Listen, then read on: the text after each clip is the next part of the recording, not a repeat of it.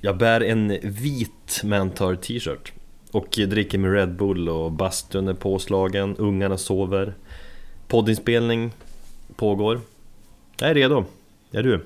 Jävligt peppad. Du låter ju allmänt jävligt positiv, alltså Berättar att du kommer in i gamla t-shirtar som har varit för stora och Ja, är nöjd över vad vi har döpt det här avsnittet till och lyssnar på life metal och allting. Det är bra, inte alltid du är på peppande humör Nej, men jag ska ju vända på mm, den här negativa trenden som jag haft under hösten. Och det har ju inneburit lite små, ja, små grejer som jag behöver ta tag i helt enkelt. Du skulle ju vara surgubbe Var det väl sagt? Ja, när det kommer till musiken ja. Men jag behöver inte behöva vara sur på mina medmänniskor hela tiden. Nej Mer kärlek, mindre hat 2018. Bra, då kör vi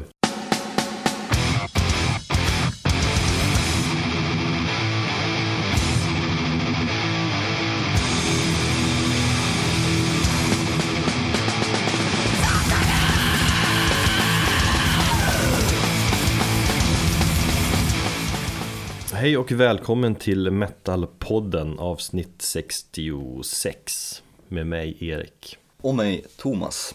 Och eh, extra välkommen till dig som är ny lyssnare och lyssnar på Metalpodden första gången, tänker jag. Eh, Mm. Kul att just du lyssnar nu, som det är första gången. Och eh, om du är ny till Metalpodden så vill vi berätta att vi även har en tuff hemsida, metalpodden.se, där vi bland annat har Ja, där vi listar intressanta skivsläpp och så. Och där man kan lyssna på alla avsnitt. Och så finns vi självklart på sociala medier på Twitter, Facebook och Instagram. Där kan ni följa oss. Eh, ni kan snacka med oss, skicka meddelanden till oss och så här. Ja, mejla oss går också bra. Metalpodden gmail.com. Idag ska vi snacka lite Satan. Satans förebilder. Mm. Äntligen! Det gillar ju du din lille katolik. Jag var faktiskt inte så jättepeppad på att prata just Satan i, för att inte ja, man, det gör vi ju mer eller mindre indirekt i många av eh, våra musiktips och sånt där, men jag tror det kan bli ganska intressant ändå. Ja, men jag tänkte att du blir extra peppad. Du är ju mer eh, satansdyrkare än vad- än vad jag är. Alltså när du fick När du fick bikta dig i din barndom och berätta att du Mm. hade runkat för prällen.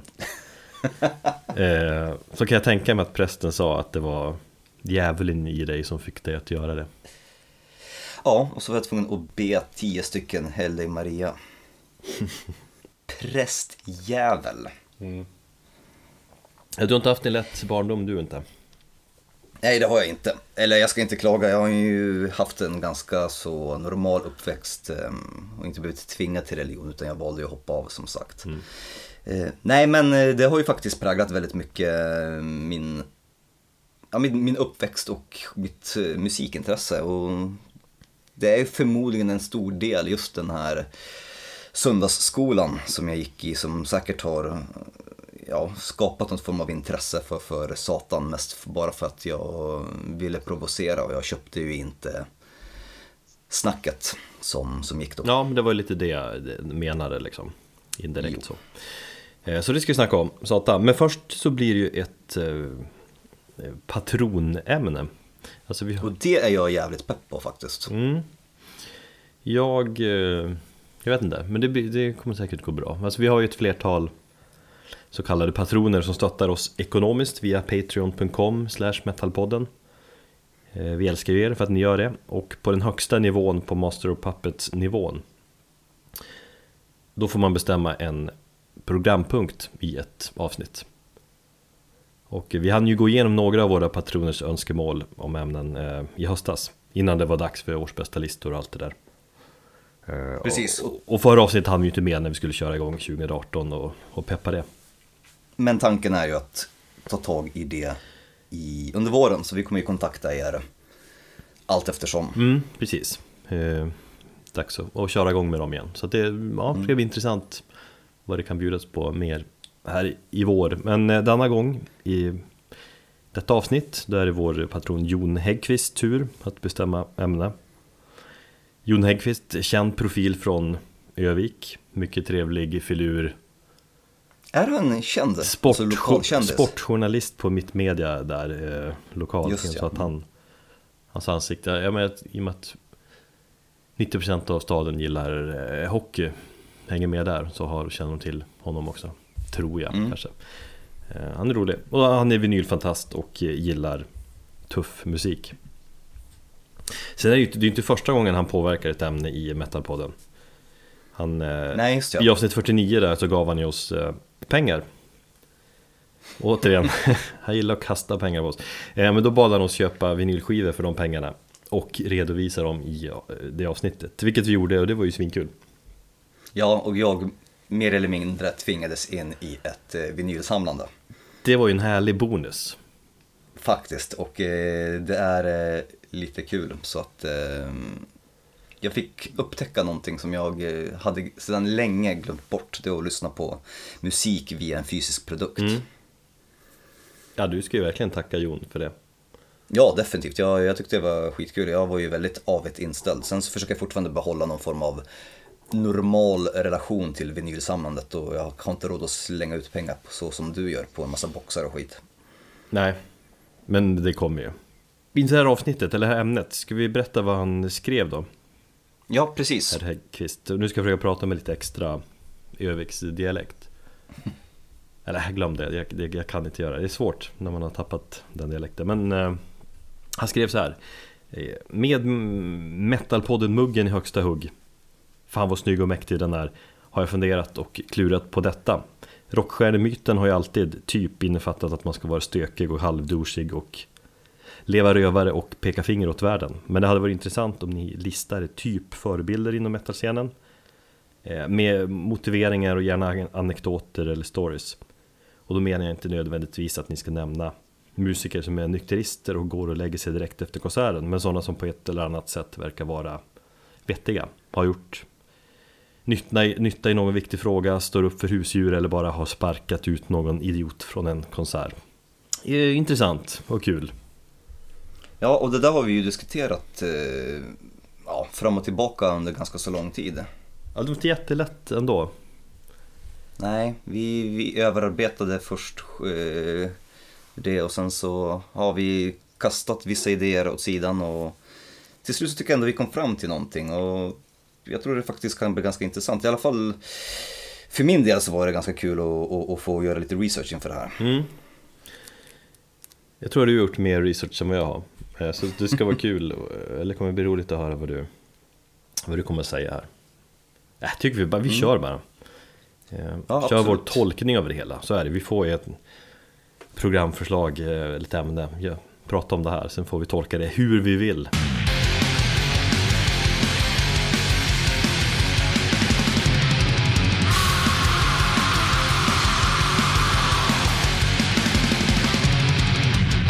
Vi tänkte nämna två personer var inom, eh, inom hårdrockscenen.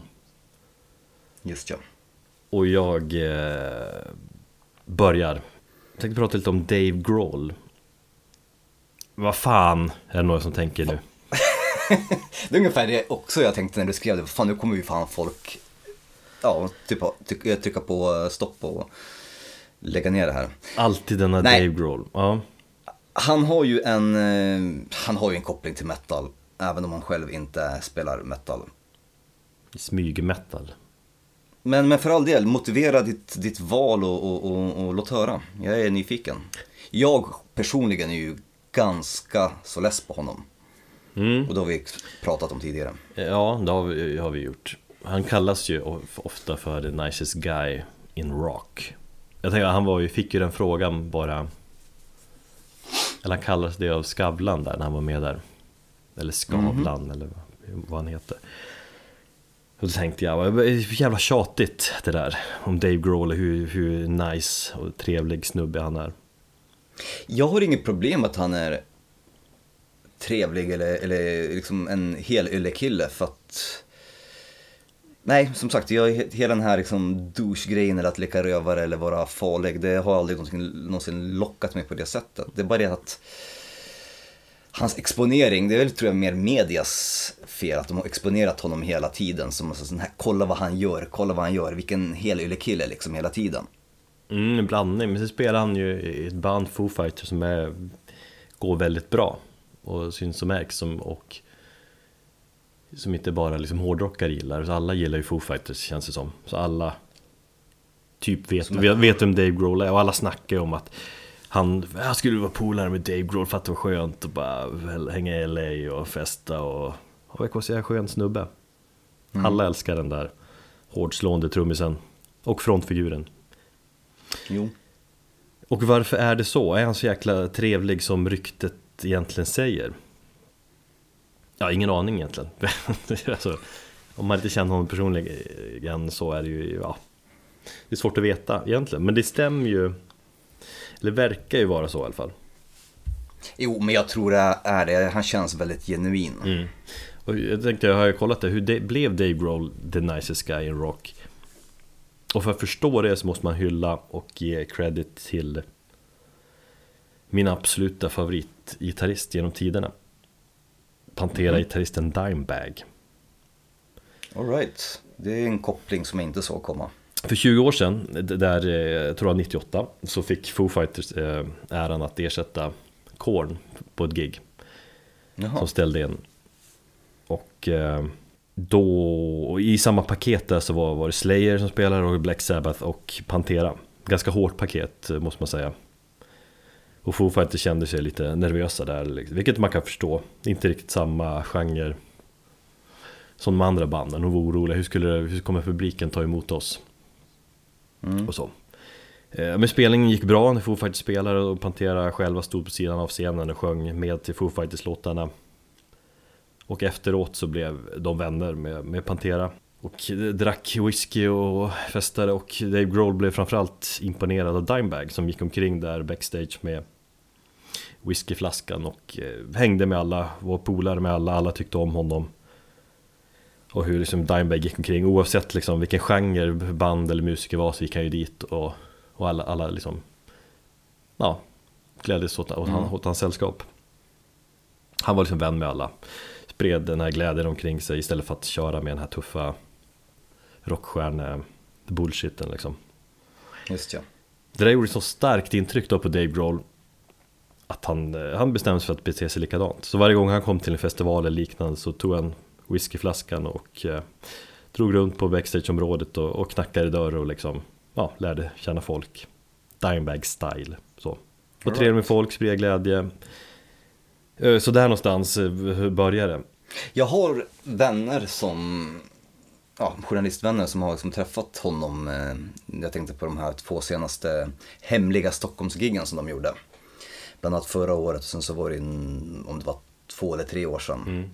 Eh, och de har ju också, de har ju hängt med honom. Då har han ju efter spelningen eller innan spelning liksom stått på scengolvet och bara hängt som en vanlig lyssnare och som ett fan. Mm. Och han brukar ju göra det väldigt mycket på spelningar. Utan han hänger ju aldrig backstage eller vid sidan av scenen. Utan det finns ju så här hur många klipp som helst där han bara står och diggar tillsammans med andra människor i publikhavet. Mm. Så han känns ju som att han är, han försöker inte vara någon på det sättet utan han vill bara vara en, ett vanligt musikfan. Mm. Och jag tänkte vad, har, vad har Dave Grohl uppnått med att vara så trevlig och vara the nicest guy in rock? Eh, jag känner att min motivering då, är att folk blir ju jag tror folk blir lite inspirerade och att bli bättre människor, både privata och så kallade rockstjärnor och musiker. Mm. Och det är inte så dumt egentligen. Alltså en snubbe som eh, Corey Taylor eh, till exempel har ju berättat att han tycker Dave är en av, eller den trevligaste snubben han någonsin har träffat. Och att det har mm. påverkat honom så mycket så att, att han vill bli en, en trevligare människa. Alltså hans status som just den här trevlig kille väger ju ganska tungt för jag tänkte tungt för att um, det har ju funnits flera artiklar om det här. Till exempel det var någon skola i England där rektorn skulle lägga ner musikundervisningen.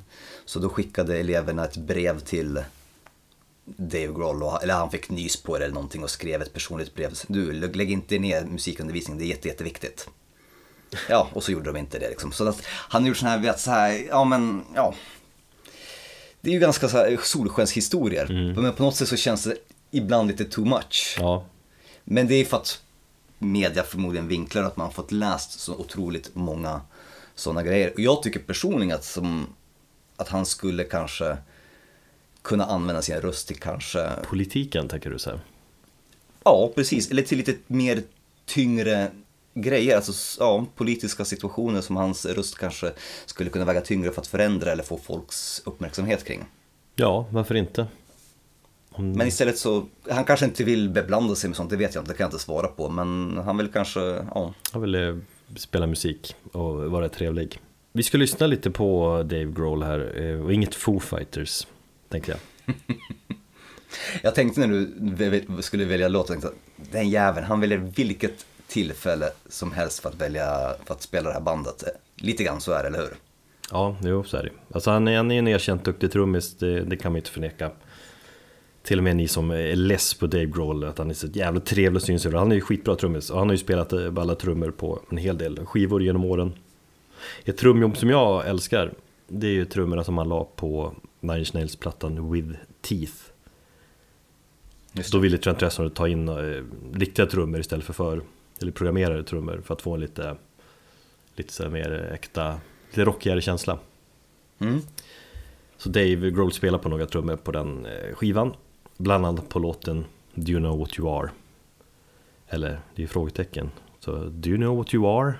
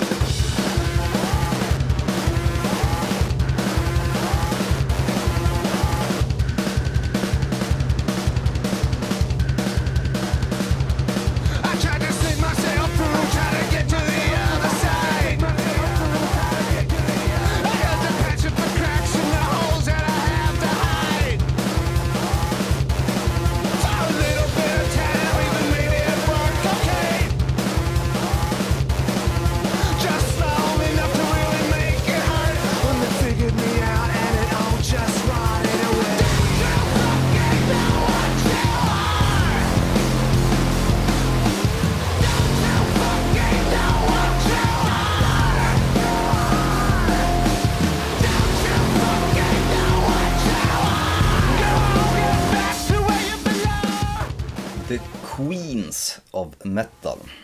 Det är mina två val. Ehm, den första drottningen av metal heter Doro Pers. Ehm, anledningen till att jag valt henne är lite grann att hon har faktiskt haft en väldigt intressant karriär. Eller hon står för ganska bra saker. Eller ganska bra, hon står på väldigt bra saker. Hon har varit med sjukt länge får man ju säga. Och hon har varit med sjukt länge och hon har klarat sig igenom de kanske tuffaste perioderna i musikbranschen. Jag ska komma in lite grann på det och står fortfarande väldigt stadigt och lever på sin musik. Hon är högst aktuell. Hon tror jag släppte en skiva för Immer i slutet av förra året som är bara helt på tyska och nu ska hon släppa sin nya soloplatta i, i år. Så att hon är ju, och hon är ju sjukt stor i Tyskland fortfarande. Eh, men an- anledningen lite grann till att jag valde henne, det är för att hon alltid stått på sig. Eh, och kämpat ganska hårt och hon visste väldigt tidigt att det hon ville syssla med i livet var heavy metal. Och eh, väldigt tidigt så prioriterade hon bort relationer och, och att skaffa barn för att kunna lev, livnära sig på, på musiken. Hon har alltid sagt att hennes grej är, alltså, att, ja, heavy metal det är hennes familj och alla fans och sånt där. Eh, 16 år gammal bestämde hon sig för att börja sjunga efter att hon nästan dött till följd av, en, eh, av tuberkulos som hon hade fått. Och hon började spela garagerock i ett band som hette Snakebite. Eh, innan hon den, sen eh, gick över till Warlock. Och det är lite grann här hennes kanske största, ja, ska inte säga kanske inte största period då, men hon blev väldigt framgångsrik med Warlock. Sen så har hon ju haft en betydligt längre karriär eh, som under artistnamnet Doro.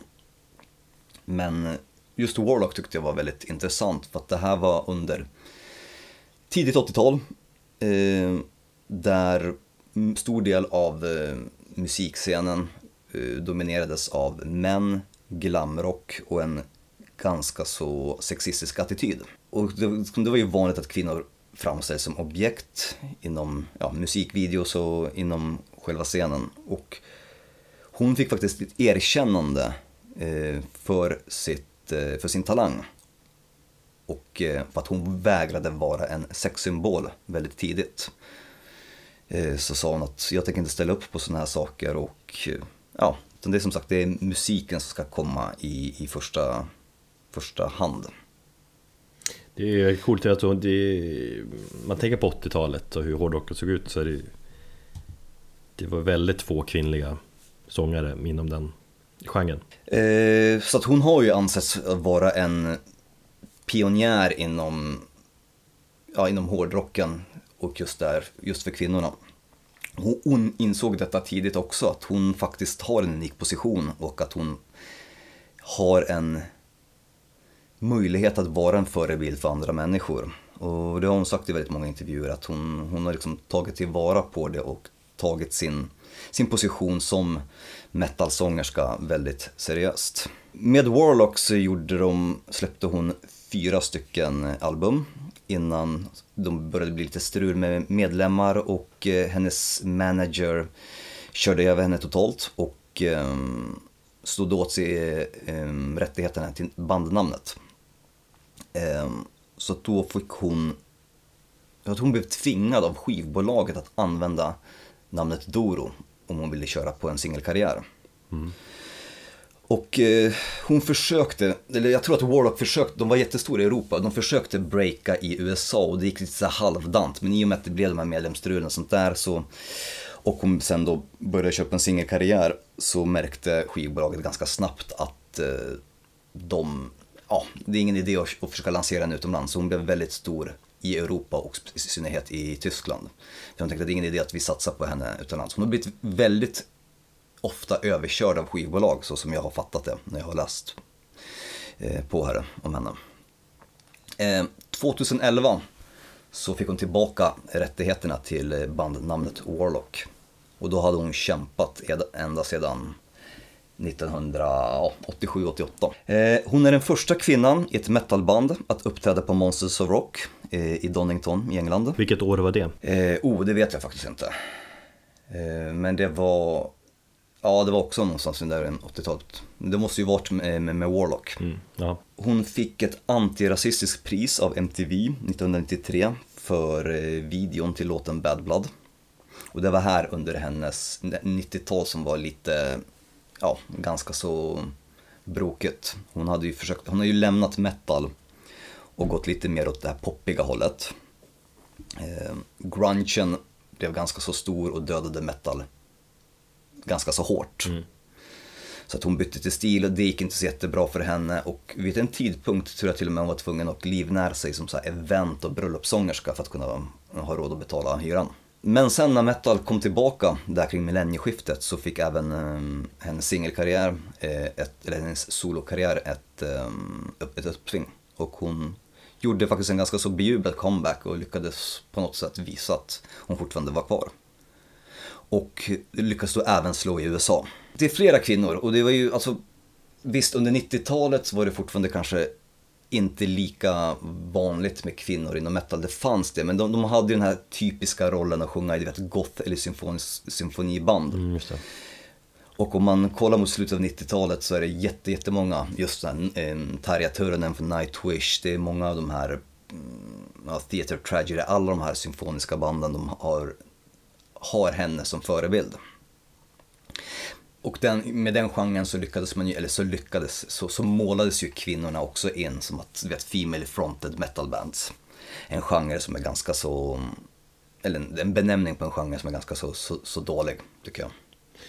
Jag såg bara när jag kollade in eh, Spotify och klickade runt där på förslag så hade de en kategori som heter just det. Mm. Eller Metal Fronted by Women. Ja, just ja. Jo, de, det är många som kör på det ganska så hårt. Mm. Det är en term som jag faktiskt undviker när jag försöker beskriva band. Men det var ju, det var ju en benämning på väldigt mycket av den här symfoniska och gotiska musikstilen. Det var ju där det kom ifrån. Men den lever ju kvar väldigt mycket. Ja, absolut, det gör den. Ja, hon är eh, vegan, medlem i PETA. Eh, Hon syr sina egna ekologiska scenkläder. Ehm, Precis som Lena PH. Ja, kanske så. Eh, hon stöttar eh, olika kvinnorättsorganisationer och hon är en ganska duktig thaiboxare också. Men hon är...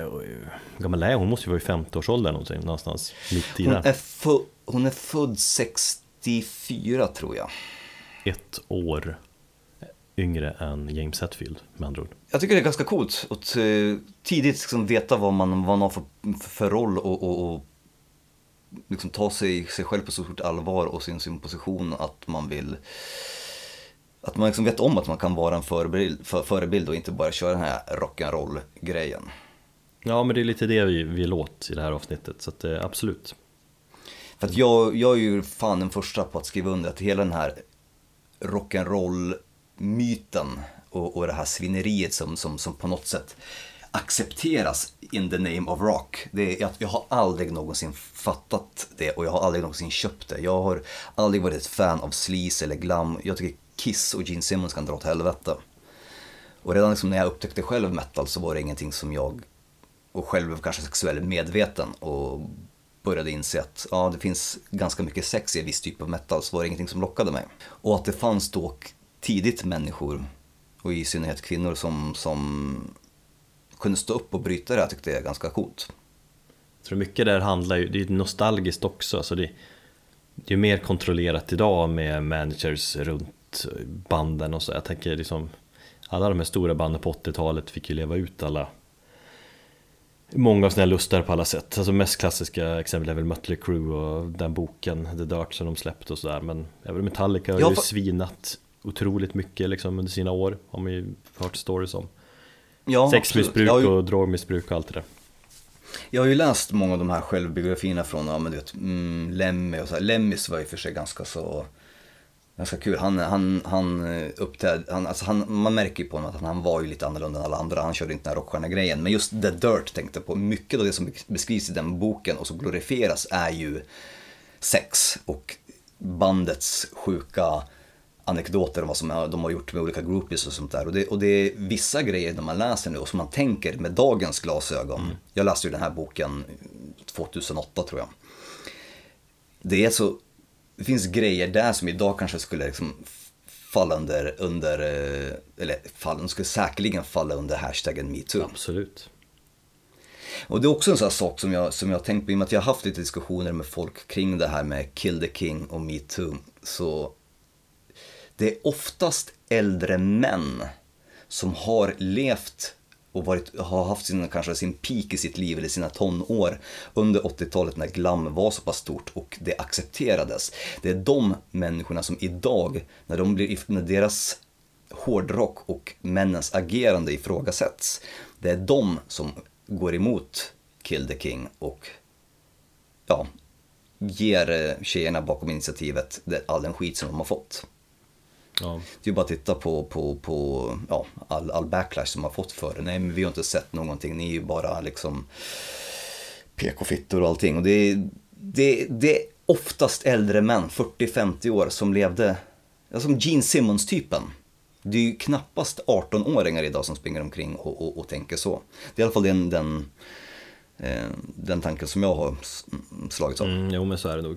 Men jag tänker på just boken The Dirt också, alltså Visst, många tänker på det där med dekadenta historier med alla framgångar och liksom knark och, och, och brudar hit och dit, men det ändå Mm. Om man läser boken och analyserar den så är det ju väldigt mycket mörker i den också Eh, Men det tänker Jo, man inte på samma sätt, men liksom hur, hur Nej. konsekvenser som allt får av det bandet, hur, hur de lever och så Jo, absolut. Eh, Sen kan man ju också jämföra till exempel Marilyn Mansons självbiografi med The Dirt. Marilyn Mansons är ju också otroligt mörk, men den är mörk på ett helt annat sätt. Ja. Där har vi det här utanförskapet som han kände och allt det här liksom. Mm. Jämfört med det. Eh, nog om det. Eh, vi ska faktiskt lyssna på en låt från Warlocks fjärde och sista platta. Eh, den heter Triumph and Agony och låten heter Kiss of Death. Det är jävla vilken dänga det är, en riktigt skön heavy metal-dänga. Klassiskt 80-tal och eh, Doro har en fantastisk eh, röst.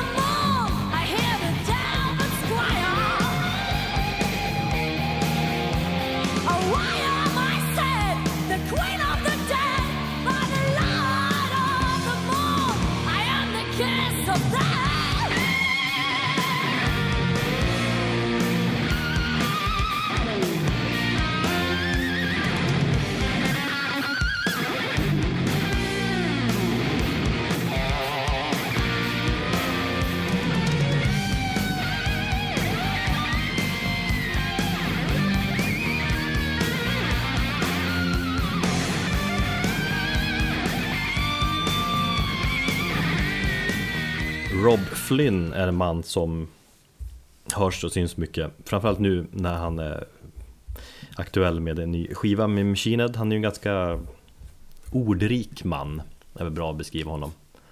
Frispråkig, han har inga problem att säga att han lider av analläckage. Han gillar att prata.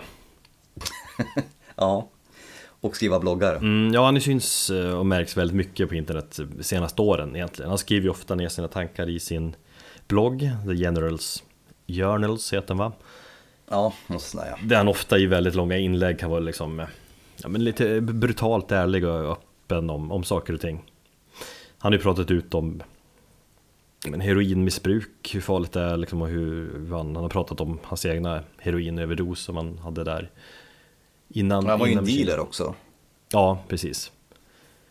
Eh, Så han har haft sitt eh, mörka liv också. Men nu har han ju fyllt 50 och ehm, Ja, han har ju sagt att han tidigare har hållit igen lite med, med vad han tycker och tänker Men nu känner han, när jag läste close-up-intervjun här att han ah, Jag kommer ju dö snart så att jag Och i längden är det ingen som bryr sig ändå så att jag, jag säger vad jag tycker på ett annat sätt än tidigare Mm.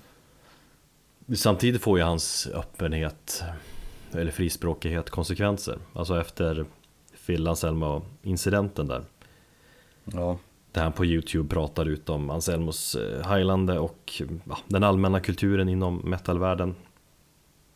Som jag ja, stötte, stöttar liksom till 100%. Ja, vilket det är många som gör, men vilket det är många som inte gör också. Han får ju fortfarande dödshot på grund av det Han där. får det? Ja, hans fru har ju påverkats väldigt mycket när liksom idioter ringer och hotat med att döda hans familj och barn och så.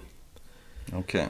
Och folk eh, skriker white power mot honom när han liksom kanske går förbi på gatan eller på konserter och liknande. Och så tittar han på dem och inser att nej, shit, eh, de är fler än mig. Det här kommer, det här kommer sluta illa om jag skulle gå på dem. Så jag får hålla, jag får hålla mig lugn och titta bort, vända på klacken och gå därifrån. Mm. Så det är ju ett pris han får ta för att liksom ha försökt stå upp mot machokulturen, mot rasismen, mot nazismen och mot hela Donald Trump-samhället. Just ja.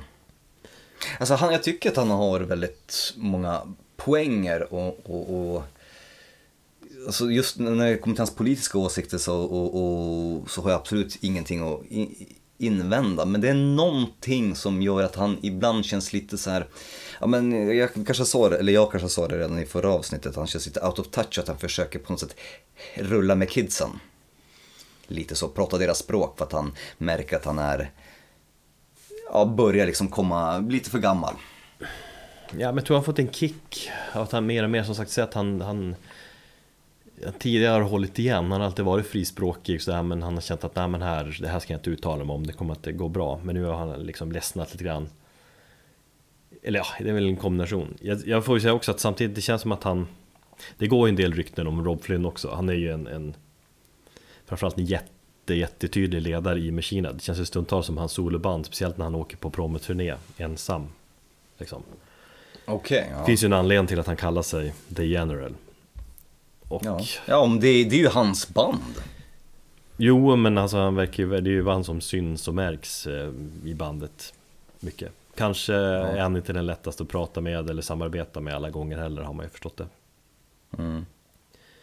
Fast samtidigt, han är ju öppen med att han inte kanske är eller har varit världens bästa person heller. Det gillar man ju, den ärligheten. Definitivt. Ja, men vi har ju pratat om nya skivan tidigare, eller mest du. Du har ju tydligt sagt hur mycket du tycker hur, hur mycket du tycker om skivan. Eller, Ja. nej, hur var det? Hur mycket jag ogillar den. Jag har ju hört fyra låtar. Jag kan ju inte säga att jag är stormförtjust heller. Men ändå. Du gick ju igång på den låten som vi ska spela. Jag tänker att vi ska lyssna på låten Bastards. Den har ju någonting ändå. Har du sett hans ehm, Poetry Slam? Ja. Men den, den är ju speciell. Han skrev ju den dagen efter Donald Trump hade vunnit presidentvalet där. Just Och ja. han baserar låten på, på ett samtal som han hade med sina två söner. Och jag minns väldigt väl hur han Ja men han la ju upp låten på Youtube då med, alltså Han spelar med akustisk gitarr och sjunger den väldigt inlevelsefullt. Och då tänkte man, ja men det här brinner han ju för. Men man kände också att det här är ju inte Machine Head. Och det var ju inte tänkt som en Machine Head-låt heller Utan det var någonting som han behövde få ur sig helt enkelt. Mm. Men sen känner jag att, budskapet i låten den stämmer överens med, med temat på plattan och, och så testade de att spela in dem och gjorde en lite mer Machine Head-aktig Just ja. Men den är, den är ju väldigt annorlunda för att vara en Machine Head-låt Alltså det är någon form av Ja, vad han liknar en klassisk folksång typ Men budskapet lite- i låten Det är ju lite Dropkick Murphys känsla på den. Ja, Irl- irländsk folkig punk. ja liksom. den, den stilen exakt Men just det budskapet låten, jag tycker säger ganska mycket om vem han är just nu Vad han står för, hur han uttalar sig Den är ju alltså den är ganska övertydlig, den är en ärlig låt som en text riktad till hans två söner Om hur man ska, man ska stå, på, stå på sig, inte låta någon trycka ner dig. Och att i längden kommer liksom saker och ting förändras. Kanske ser ut så här just nu men i, om du bara står på dig så kommer det förändras. Om man bara tror på det. Och jag kan, jag kan, jag, kan absolut sätta mig in i det. Alltså han har ju två söner, jag kommer också köra det här snacket Om hur världen ser ut för mina grabbar när de blir äldre Och hur det fungerar och varför är det så här Och varför är de onda och varför beter sig folk så här Varför är folk idioter? Jag börjar redan få det lite grann. Med, med Zacke.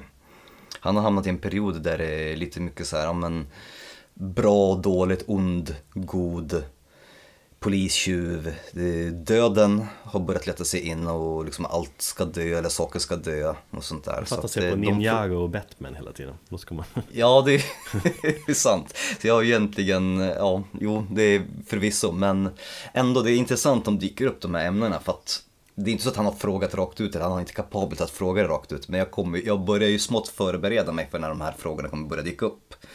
Pappa, vad innebär döden och allt sånt där liksom. Jag snackade om Motörhead för Elliot idag När vi lyssnade på Overkill-plattan och förklarade att alla medlemmar nu är döda. Och sådär, och hur bra de var. Och han bara mm, mm. Och så sa jag Fast Eddie Clark och sådär Men det fattar han inte så mycket av. Jag tycker det är kul att han eh, är med och väljer ut vinyler. Men han går fram till mig, pappa vi, vi ska spela skivor. Och då kan vi inte, det, kan, det är svårt att tacka nej till det. Ja, jag vet. Det är roligt Men ja, Rob Flynn, det, är- det är Det är en viktig roll han ändå tar.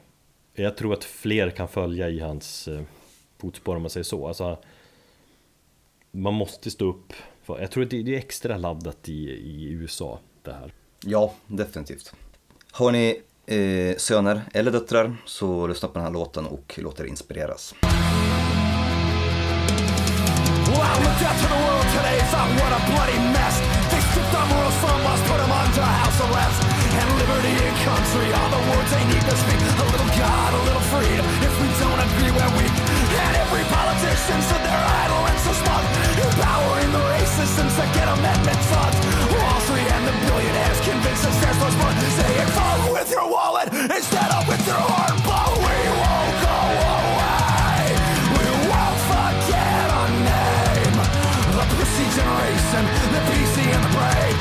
The protesters that slink along the streets of misery.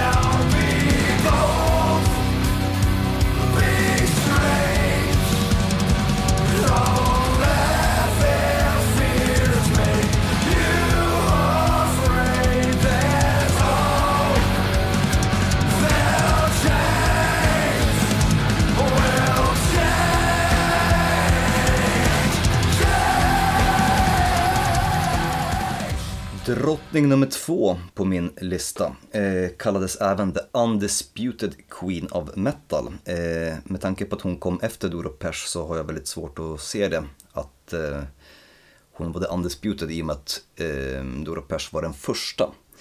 Hur som helst så är det ett epitet som hon fick eh, bära med sig, eh, Angela Gossow, när hon gick med i Arch Enemy. Och vi har ju berört henne tidigare, bland annat i vårt eh, avsnitt om kvinnor inom metal som vi gjorde förra året.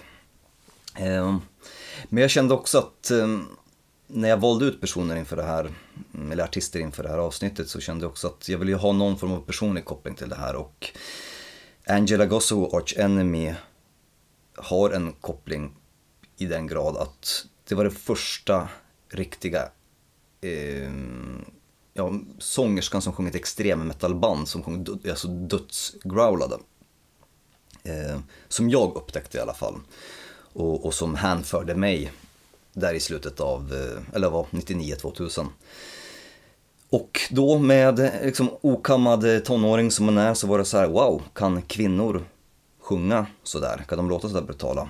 Självklart så kan de göra det, men så tänkte man inte då. Nej exakt, nu är det ju betydligt vanligare men att hon, eh, hon kändes som att hon var först. I alla fall kommersiellt.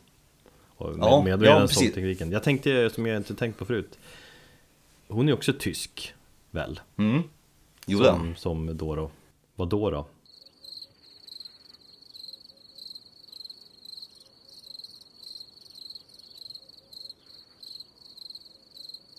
Nej men som sagt, eh, det här var ju under en period då goth, symfonisk rock eller metal var väldigt populärt och kvinnor redan hade, fanns, alltså det var ganska vanligt med kvinnor inom metal men just inom en viss typ av genre. Och hon var den som på något sätt började leda den här dödsmetall, mm, att hon tog över stafettpinnen och som eh, dödsmetallsångerska. Hon var ju ett fan av bandet. Hon hade ju en webbsign eh, under eh, 90-talet. Så hon intervjuade eh, Michael Amott när de fortfarande hade sin förra Eh, sångars, eh, sångare, eh, Johan Liva. Och gav honom en demokassett.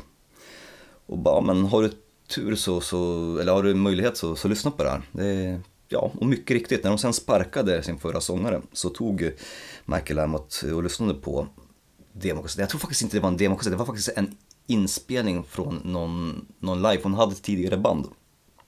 Om det var en DVD eller någonting. Hur som helst, han blev så golvad av hennes uppträdande så att han kallade henne till audition. De hade en massa audition och de sa att hon fick jobbet direkt för att hon golvade och så på banan med all konkurrens. Och det var så hon fick jobbet i Arch Enemy.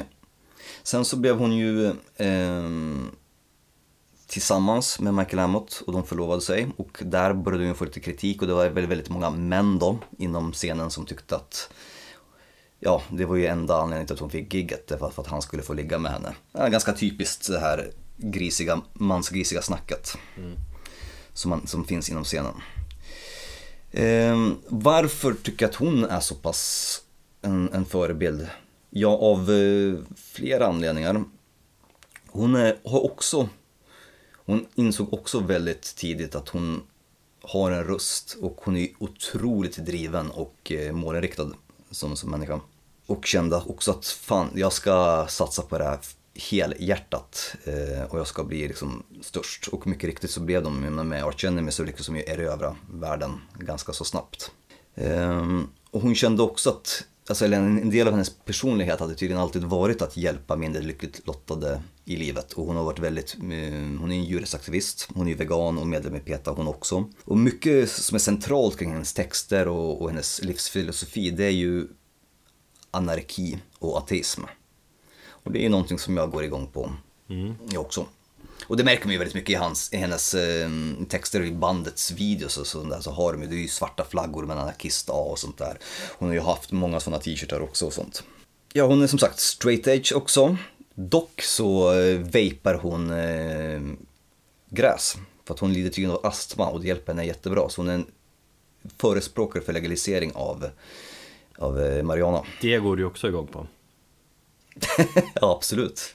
Klart jag gör det. Det är verkligen för eh, legalisering av, eller avkriminalisering i alla fall, av cannabis. Skitsamma. Ehm, Jättetydligt politiskt statement här i Metalpodden. Nu får ni höra. Ja, precis. Ehm, hon har också vägrat vara en sexsymbol och under 2000-tal där så var det ju väldigt populärt när, vad tror det var, om det var Kerrang eller om det var Revolver Magazine, jag vet inte, skitsamma. Den här tävlingen Hottest Chicks in Metal, minns du den? Ja, den har vi snackat lite om här också. Precis. ehm, Och det var ju, någon av de här tidningarna utsåg ju de tio snyggaste eller sexigaste tjejerna inom metalscenen. Eh, Det där tog hon väldigt tidigt avstånd ifrån hon också. Trots det så har hon figurerat i eh, många av de här kalendrarna eller någonting på, mot hennes vilja för att skivbolaget har skickat in bilder eh, och gjort det här och gått emot hennes vilja för de tyckte att det här är bra exponering för bandet. Så att ja, hon hade inte så mycket att säga till om. Också väldigt styrd av kontrakt och sånt där. Och hon berättade ju sedan att när de stod ut, eller när, deras, när bandets skivkontrakt, de fortfarande var med i Arch Enemy, när deras bandets skivkontrakt gick ut så valde de att bara köra licensdealer. Vilket betydde att de hade alla rättigheterna själva, de kunde bestämma och hon kunde ha mer frihet till att göra vad hon själv ville. Hon har studerat eh, marknadsföring och ekonomi, så hon blev ju bandets manager där i mitten på 2000-talet och sen så när hon hoppade av 2014 så gjorde hon det för att hon ville vara hon var lite less på, på, på, på musiken eller att hon inte utvecklade sig, hon hade gjort sitt. Och då stod, tog hon istället en roll som hundraprocentig eh, manager för bandet och det är hon än idag. Så hon sparkade allihopa som de hade och så hon, jobbade hon ensam med dem. Ja, hon är fortfarande det. Ja, ja, absolut. Man kan väl nämna, heter hon, Elisa White någonting, Elisa White Gliss. Gliss.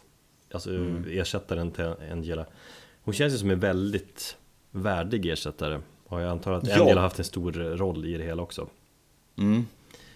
För det känns som Elisa känns också som en förebild för många, för en ny generation tjejer som upptäcker eh, metal och så. Eh, Och det känns att bandet rullar på bra. Alltså de, de är aktuella bara nu med en turné med Tribulation i förband till exempel. Mm. Men är, Ja. är de lika stora nu som de var liksom tidigare när Angela var, var sångerska? Det känns som det. Det känns som att senaste plattan, Will to Power, som förra året har hamnat på skitmånga årsbästa listor som jag sett runt om.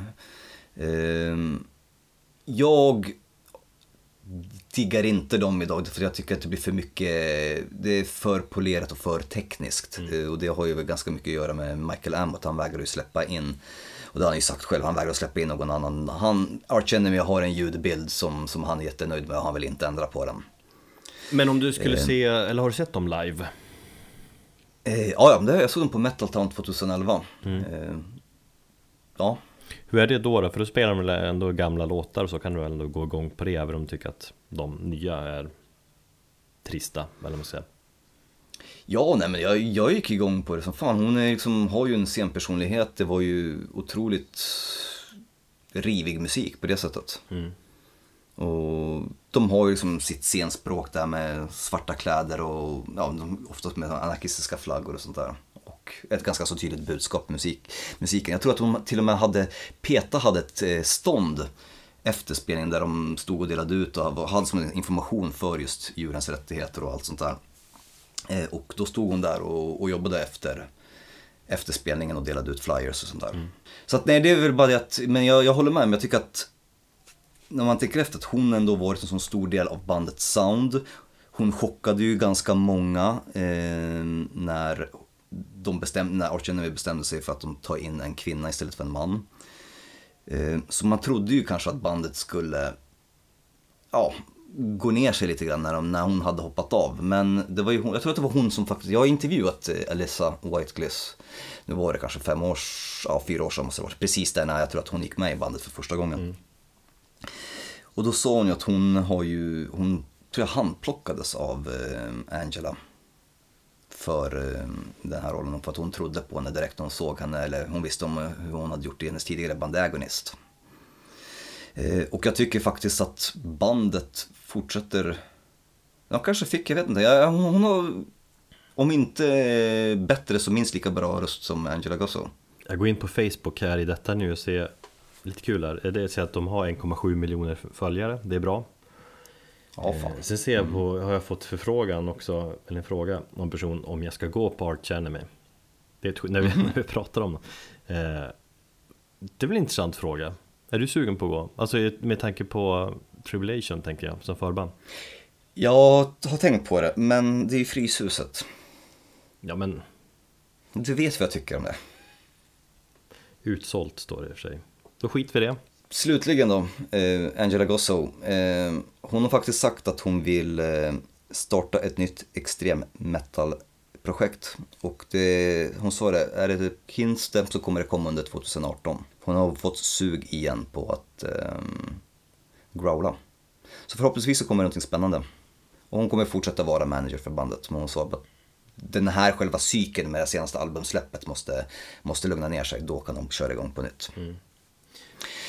Det vi ska göra nu är att lyssna på en låt de sjunger från hennes, eh, tror det är första band, ja, som heter Asmodina. Och det var eh, precis innan hon joinade um, Arch Enemy. Låten heter Another Golgotha och kommer från skivan Inferno.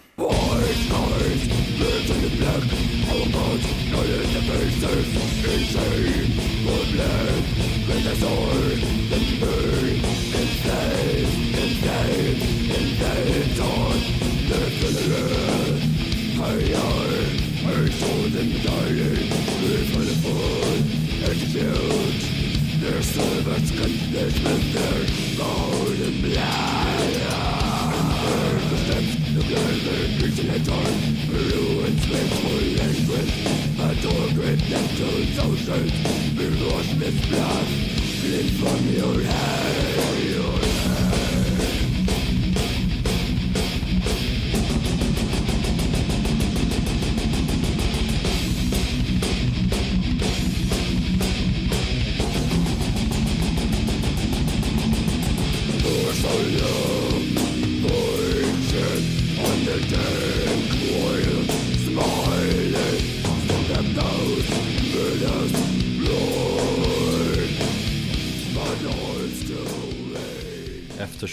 Avsnitt 666 ligger för långt bort.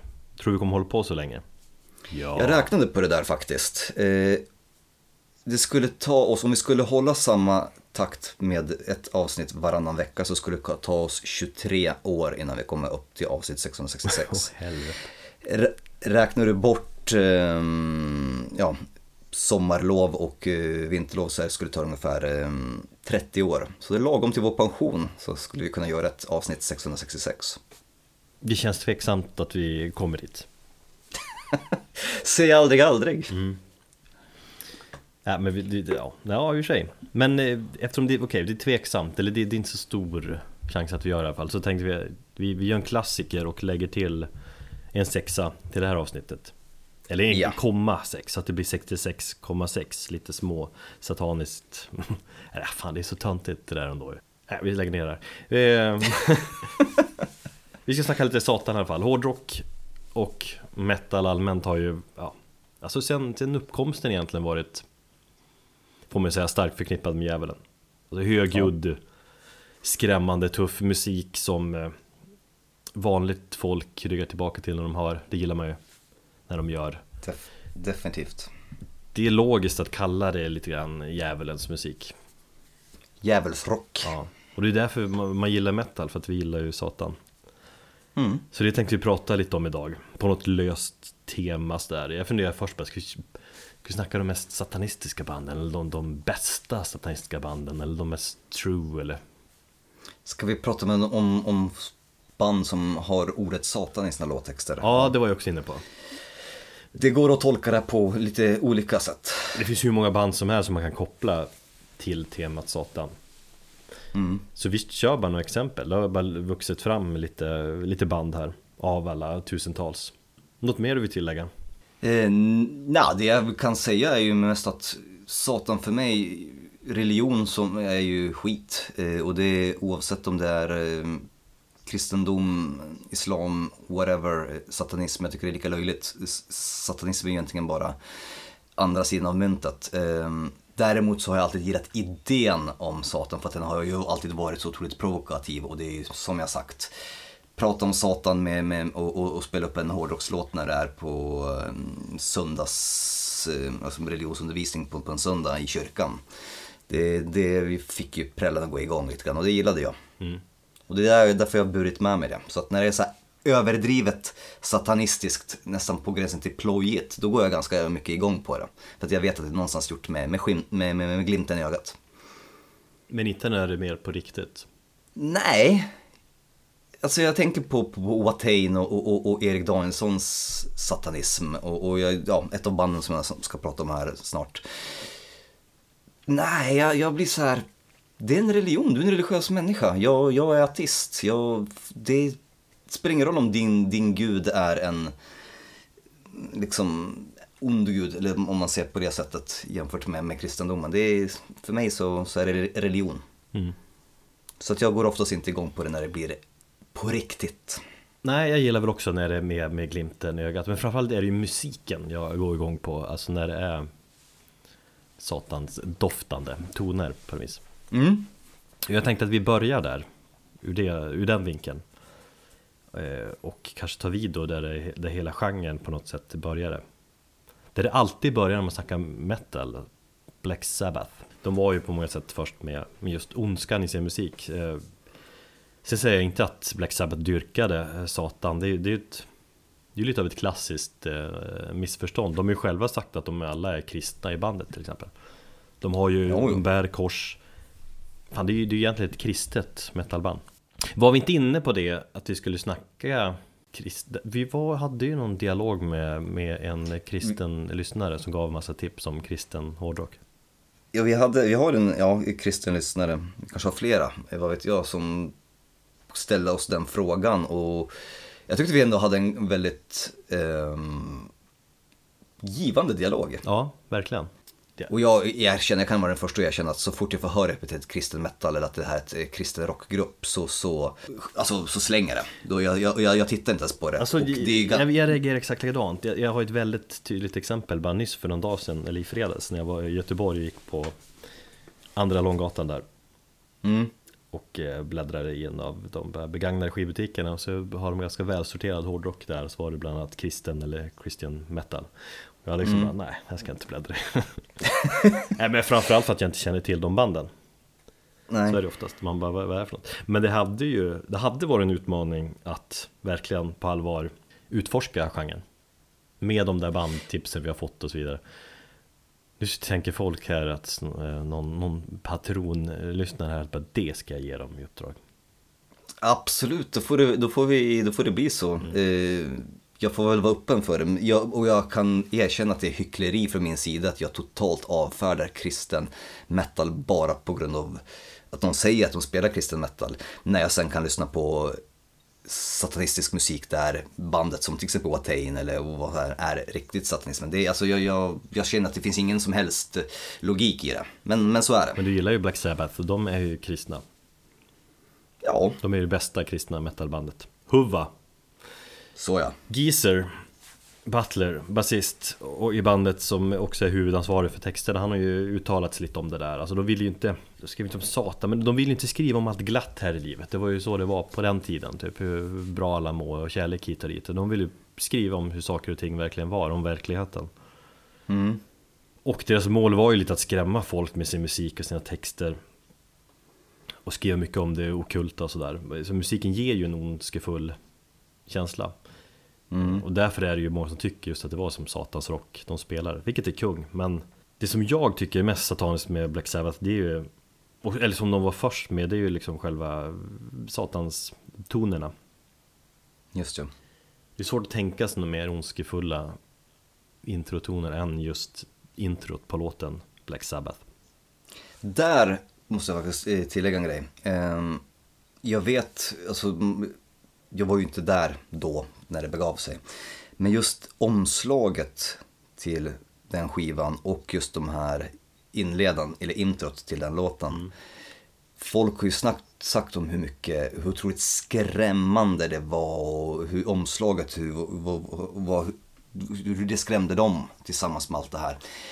Idag, eller när jag hörde Black Sabbath för första gången så kunde jag inte riktigt förstå det för då hade man redan hört om någonting som var egentligen mycket mer extremare. Jag tycker fortfarande det är li- lite, jag kan inte säga obehaglig känsla, men det, det, det sätter en lite skrämmande ton den låten. Det sätt- med det sätter en regnet. atmosfär. Ja, absolut. Ja. Med regnet, med klockan och så gitarren. Du, du, du. Mm, det är fint. Och, och textraden What is this that stands before me? Så här. Som Ozzy skrev, tror jag, efter att Jag tror Ozzy som skrev det Efter att Geezer hade fått någon, någon eh, uppenbarelse och han hade sett någon demon framför sig. Han lekte ju mycket med ockulta, måla väggarna svarta och sånt där. Mm. Så han hade ju sett någonting, en demon som stod framför sig. Eh, och det är lite det de behandlar här. Och så man tänker på det, hur Geezer upplever någon, något hemskt framför sig. Mm. Så att de gick igång på det, fascinerades av ockult och allt det där. Men just de där tre tonerna i den låten, just när man spelade i det så kallade intervallet, om man snackar musikteori och så där, så är det ju det är de klassiska djävulstonerna. Diabolus in musica. Det. Och det riffet är ett av de första exemplen på det. Sen har det använts cirka en miljard gånger efter det också. Kanske någon gång innan, vad vet jag, men det är väl liksom första riktiga tydliga exemplet. Satanstonerna, eller the, the tritone, bla bla. Ja, det är Satan för mig. Vi lyssnar lite grann på låten Black Sabbath.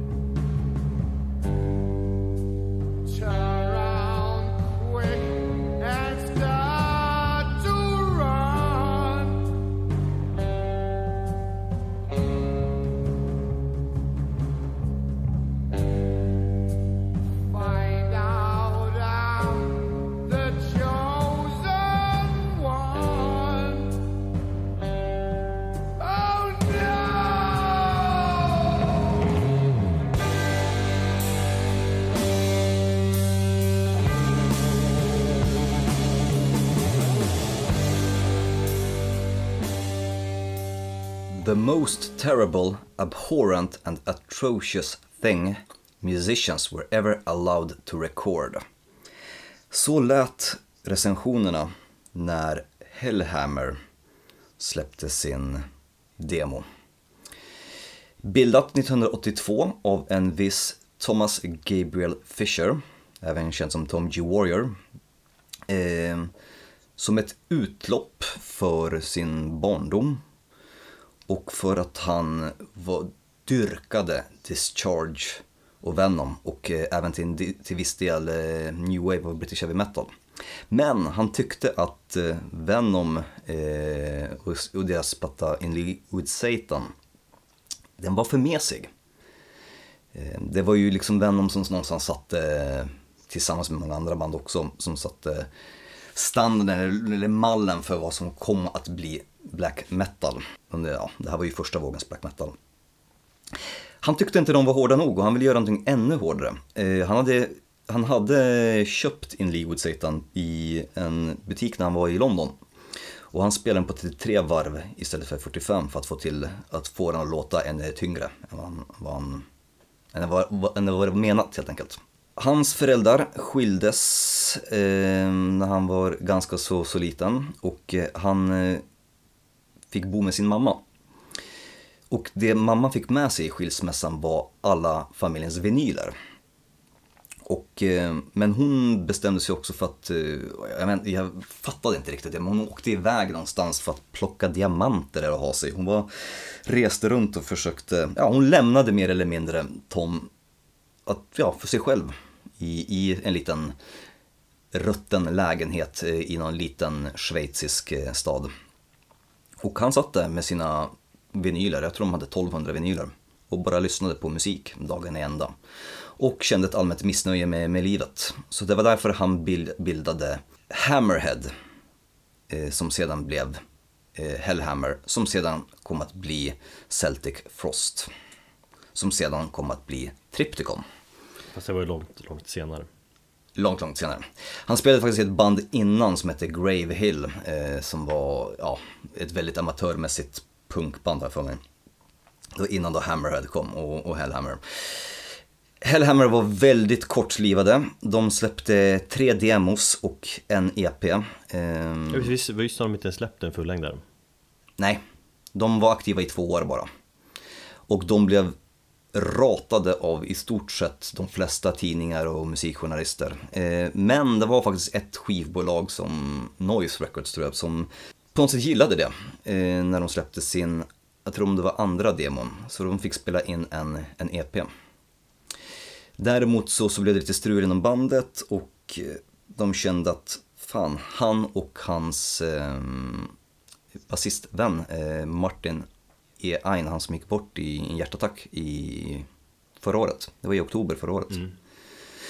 Eh, han var ju bara runt 50 år gammal.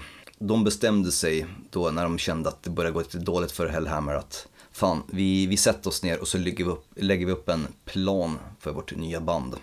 Och så bestämde de in i minsta detalj hur, hur planen skulle vara för, för Celtic Frost, vad bandet skulle heta, vad de skulle göra, vad skivorna skulle heta, hur omslagen skulle se, allting.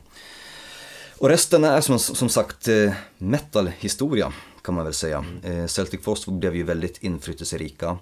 Men det var faktiskt eh, med Hellhammer det började. Och det är ju, utan Hellhammer så hade vi förmodligen inte haft större delen av de här norska black metal-banden. Jag tänker ju bara på Mayhems trummis som hette Hellhammer. Och att även bandet Hellhammer då eh, skrev en låt som heter Euro- Euronymous. Som ja, också har en koppling till den norska mm, black metal andra vågen där. Dessvärre så är inte musiken speciellt bra. Det, är, det finns en charm över det. Det är ju väldigt, vad ska man säga, det är väldigt naivt. Det är väldigt simpelt. Det låter ju mer punkigt och, och, och skitigt än någon form av black metal. Och sen så har de bara lite satanistiska texter. Ja men visst är det väldigt såhär, eh, Charts har ju liksom influerat dem väldigt mycket också har jag för mig.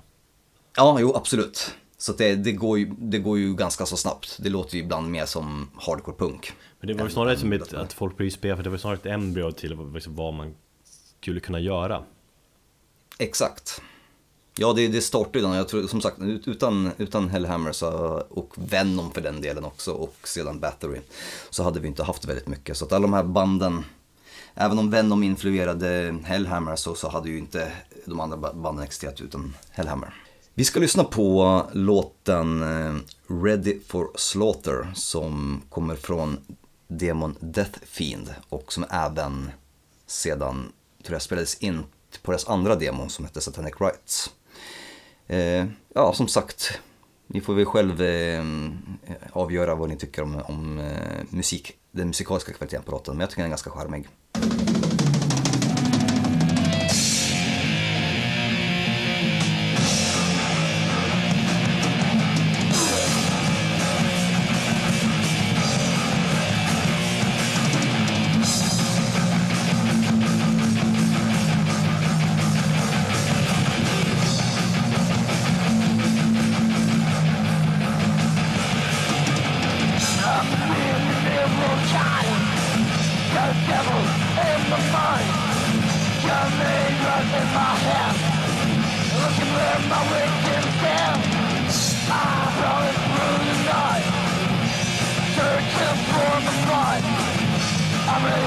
Ett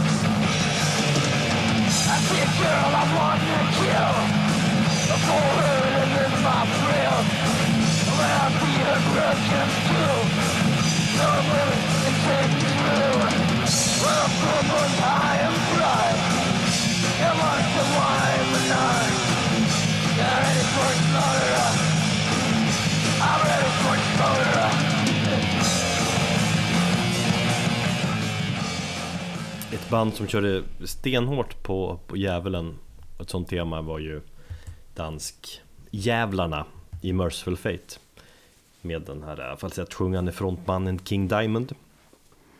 Just lyriken är ju i stort sett 100% uppbyggd på Satan. Eh, Nu kan jag, jag kan inte påstå att jag är ett superfan av allt Merciful Fate och framförallt King Diamond har släppt, men just de två Jag har också svårt för, för, för uh, Merciful Fate. De två första Merciful Fate-plattorna tycker jag dock är briljant. Mm. Jag kan väl erkänna att, också att Metallica haft en del med det att göra. De gjorde ju så att jag fick upp ögonen för bandet. Just det. Där eh, Garrett Chink 98 när de släppte det här Merciful Fate-medlet. Mm, mm det min- det minns jag. Och Merciful Fate de spelar eh, någon form av eh, progressiv i alla fall, eh, heavy metal. Inte helt liksom långt ifrån Iron Maiden egentligen. Nej. Eh, Och de har ju också influerat många band inom döds och black-scenen. Mycket tack vare just eh, Satans texten och så. Och när man... Var inte King Diamonds um, Corpse Paint också en stor del? Jo, verkligen. Mm. Och liksom hans eh, unika falsettsång, eller att göra, stå för någonting unikt och sådär. Jag känner när man lyssnar på de här skivorna idag så känner jag, jag känner fortfarande hur, hur liksom, det är sjukt välkomponerat och bra, bra låtar och liksom unik känsla mycket på grund av just King Diamond. Men jag tyckte då ska du ju lyssna på Melissa, heter första plattan och eh, Don't Break the Oath, andra som också är riktigt jävla bra. Jag tror jag hade någon sån här Merciful Fate eh, King Diamond-period då jag bara skulle lyssna igenom allting. Mm. Och det är som sagt, det är ju den här nästan sopranoaktiga falsettsången som jag har lite svårt för. Ja men det handlar om en van sak. Man, man, man, när man vänjer sig så blir det jävligt bra. Nej men jag tycker vi ska lyssna på långa, en, en bit av det långa episka Satans Fall från just eh, debuten Melissa där.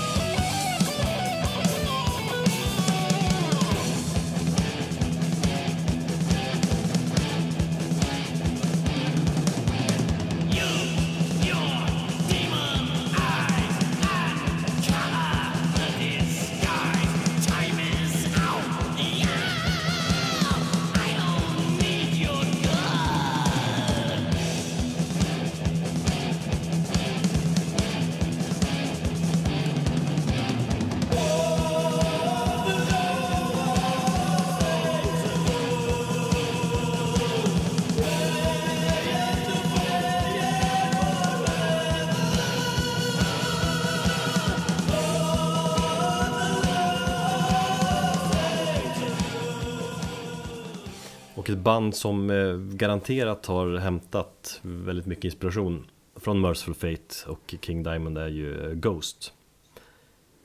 Jag tror en viss Tobias Forge har liksom diggat Merciful Fate mycket under sina år. Just, just för det här jag- tematiska och eh, satans lyriken. Ändå när jag intervjuade honom där inför Meliora så var, in, var det inte så, så mycket Merciful Fate ändå som jag hade velat tro. Du frågade just Självklart så eh, finns om, om, om Merciful Fate eller? Eh, Ja, i och med att jag tyckte att mycket av musiken byggde på, på det så sa han ja, jo, men jag hör mycket annat där också så att det var inte den här, den dyrkan som jag gick in i intervjun och trodde, eller hade fått intrycket av. Nej men jag tror just på det här eh, teaterspelet på något vis och just temat och så. Men sen, Definitivt det, men jag tänkte, jag tänkte, jag tänkte mest musikaliskt. ja, musikaliskt i och för sig. Alltså det är mycket mer metal-gitarrer i, i Merciful Fate och mer riffigt så ju. Mm. Men samtidigt väldigt så här, det är ju väldigt dramatisk musik också, tar mycket vändningar och grejer. Så att Ghost är väl en, en, simplare variant av det. Och jag sagt, om vi lyssnar på Ghost, jag hör i alla fall mycket influenser från, från Merciful Fate. Sen, man bör väl absolut nämna Ghost i det här i sammanhang. Alltså, De har ju lyckats tagit mörk rock om Satan till eh, massorna. Alltså fan, våra morsor gillar ju typ Ghost. Ja, Det säger någonting. Eh, och det är ju deras mål, alltså genom kommersiell eh, poprock, typ sprida Satans budskap. Halvt på skoj såklart, men det är ju lite allvar i det hela också. Mm. Med, med, med budskapet. Så, Alltså det är ju det är smart skrivna texter, eller Tobias Forge, han har väl utvecklats lite där, från det där liksom övertydliga Typ Hail Satan från första plattan eh, till lite mer gömt. Eller fan så här, nu Han sjunger ju just Hail Satan eller Hail Satan i låten vi ska lyssna på nu. Eh, men du förstår vad jag menar. Jo, alltså själva satanismen eller det statistiska budskapet och djävulen döljer sig inte i hårda riff utan i nästan Beach Boy-vänliga melodier. Jag tänker på den här låten eh, och den här lite halvt balladiga, vad den nu heter, eh, från Infestisumman. Hela den plattan tycker jag är lysande. Och, där, och just hur, hur otroligt poppig den är och att det finns nästan en sån här 60-tals eh, surf-pop-rock-känsla i vissa låtar. Och med ett ganska så mörkt jä- budskap om djävulen. Jag har sagt det förut men jag säger det igen i sådana fall. Jag har en kollega som har frågat mig liksom som går igång på Ghost tycker jag är bra men, men är de, Erik, är de djävulsdyrkare? Jag säger, säger ja, Vad säger du då? Ja, är de det? Och han kan liksom inte släppa det Erik. Han tycker det känns jobbigt att lyssna på dem och inte veta om, om det är på allvar eller inte.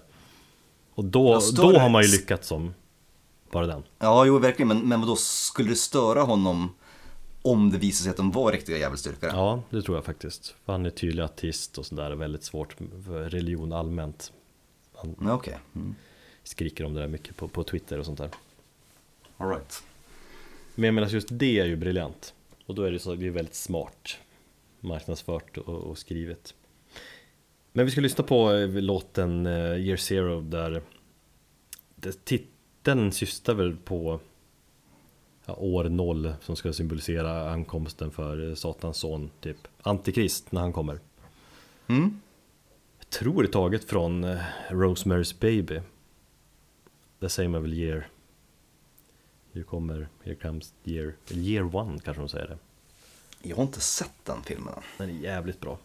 O- Jag obehaglig, Eller jobbig. jag har förstått det. Mm. Mm. Year Zero, det är också en låt som eh, Martin Persner var med och skrivit. Så där har de ju, som jag sagt förut, tappat en bra låtskrivare. Just ja. Mm. Sjukt bra eh, låt ändå. Kanske deras bästa ändå.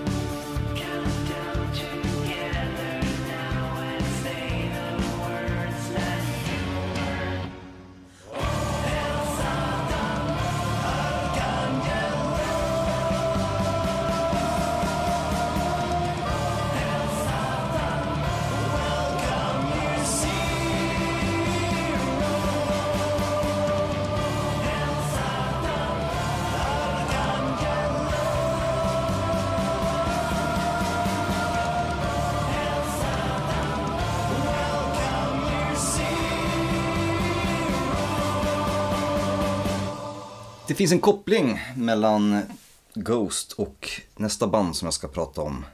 The Devil's Blood. Det är nämligen så att Tobias Forge, som jag förstått det, var vän med Selim Lemucci som bildade The Devil's Blood 2006 i Eindhoven. Selim Lemucci var ju även väldigt bra vän med eh, Erik Danielsson i Watain. Ja, The Devil's Blood och ja, i synnerhet då Selim då. Han eh, var ju satanist i, på ett seriöst plan, så att säga. Men där så vände de på musiken och hade istället ganska så psykedelisk rock, rockig och kult musik som inte var så mycket hård, inte var så mycket mer hård som den var ganska så vacker och, och, och vad ska man säga, stämningshöjande. Visst bildades de ungefär samtidigt Ghost och Devil's Blood? Eh, runt kring samma år där. För jag, jag har ju funderat tidigare den teori om att eh, Tobias har liksom inspirerats av Devil's Blood just att kunna liksom skriva satans rock fast med liksom en ja, lite en annan genre än det här med klassiska metal-stuket. Jo, jag tror Mer absolut det fick... och, och liksom åt det hållet. Jo, för när släpptes eh, Opus Eponymus? Den släpptes väl 2009 va? Ja, 20, för mig. 2010 tror jag. Ja. Ehm, så att bandet, de var, ju- lite senare med sin fullängdsdebut, men vad jag förstått så fanns idén om Ghost redan 2006. Så tidigt, så att det är mycket mm, möjligt. Jag tror till och med att när jag intervjuade Tobias så pratade han om någon låt på um, deras första platta som Selim hade, de hade suttit, de hade bara träffats någon gång och, och suttit och bara jammat loss på en akustisk gitarr.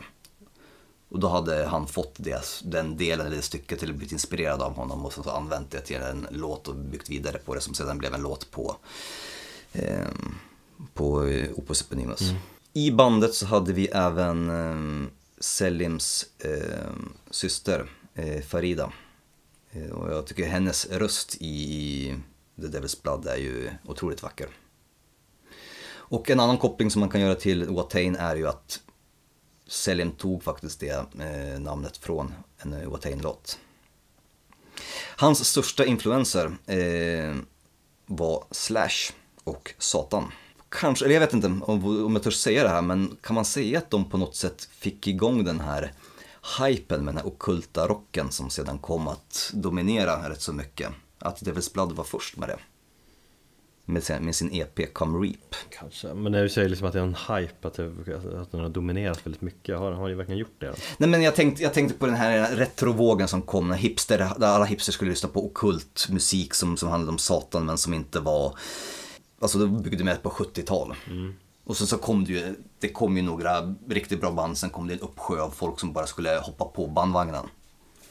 Och så, och så var det ju, liksom, det snackades om att det, var- det var ju en lång period som nu kanske har ebbat ut ganska så mycket. Jag kände lite grann att eh, på Roadburner Fuel när, vad heter de, Coven spelade Att där Mm. pikar, eller där har det pikat liksom när, när de får När de plockas in och spelar på det vis För det är väl eventuellt ganska tydlig influens till The Devil's Blood Ja, jag kan väl hålla med om, jag tycker den pikade kanske till och med tidigare.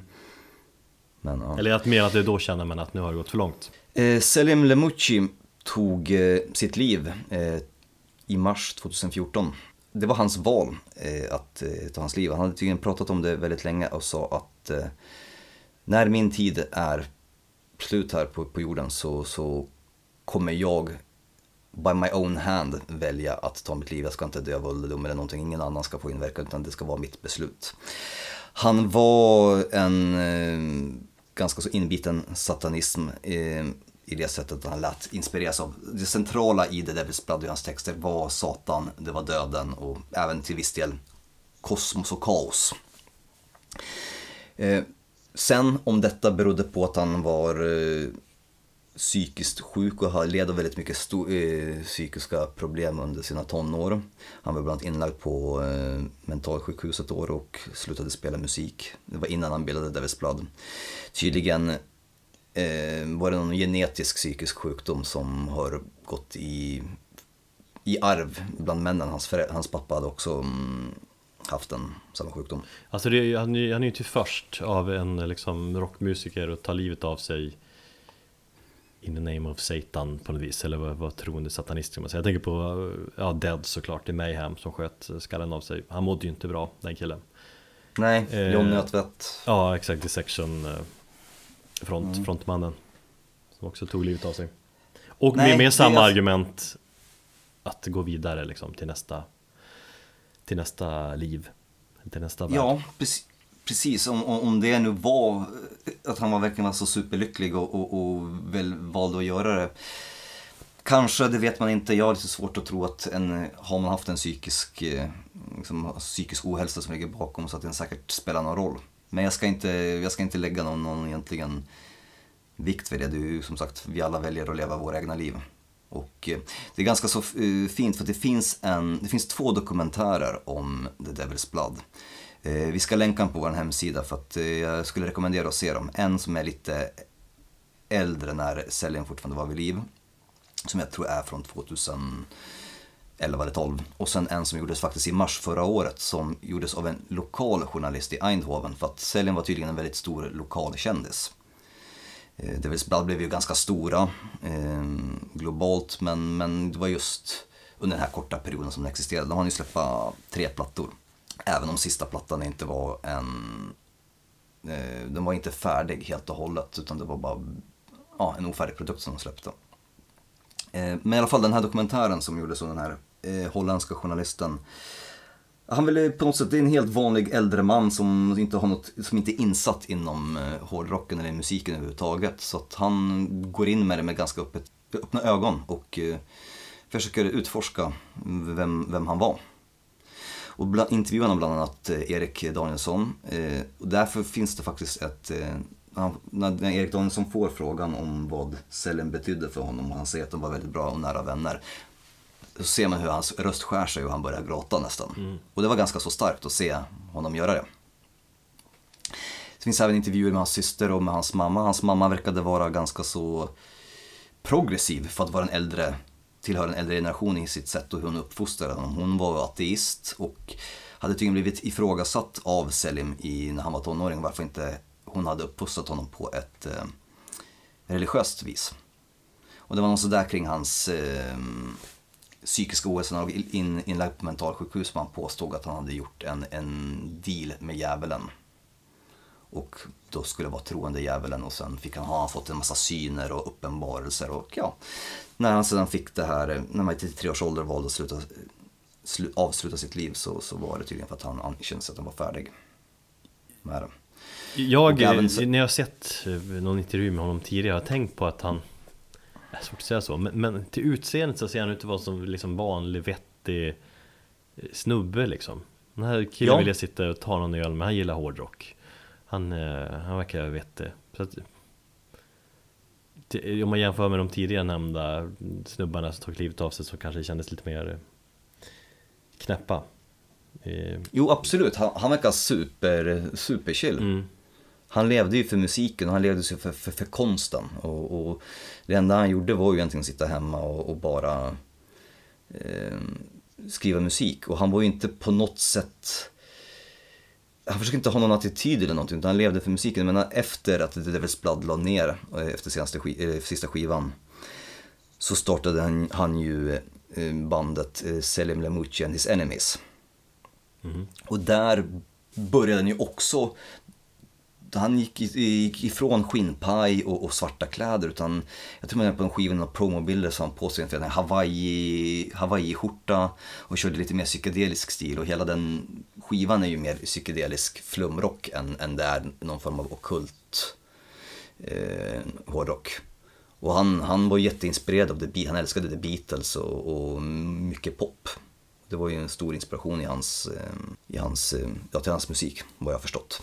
Så att, eh, ja, hans syster mm, berättade sen där i intervjun att det är kanske svårt att förstå varför han tog sin liv. Hon sa att ja, älskar du någon villkorslöst så, så får du acceptera på något sätt att den människan har valt att avsluta sitt liv. Och det var hans val. Så hon sa att I've made my peace with it. Mm.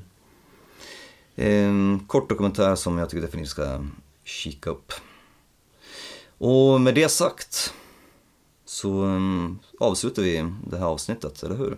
Jag har hållit på att klä av mig lite grann här du har pratat Så att jag har bara kallingar på mig för att Det är varmt, jag hatar den här stolen fan Du är redo att hoppa in i sängen. Nej, jag är redo att hoppa in i bastun jag, Den har jag varit igång nu i det. en och en halv timme Lite mer. Så jag ska ta snabbbastu och bli svinvarm och eh, Det är bra pris efter att man har poddat. Vi lyssnar på The Devil's Blood och låten Christ or Cocaine. Tack som fan för att ni lyssnar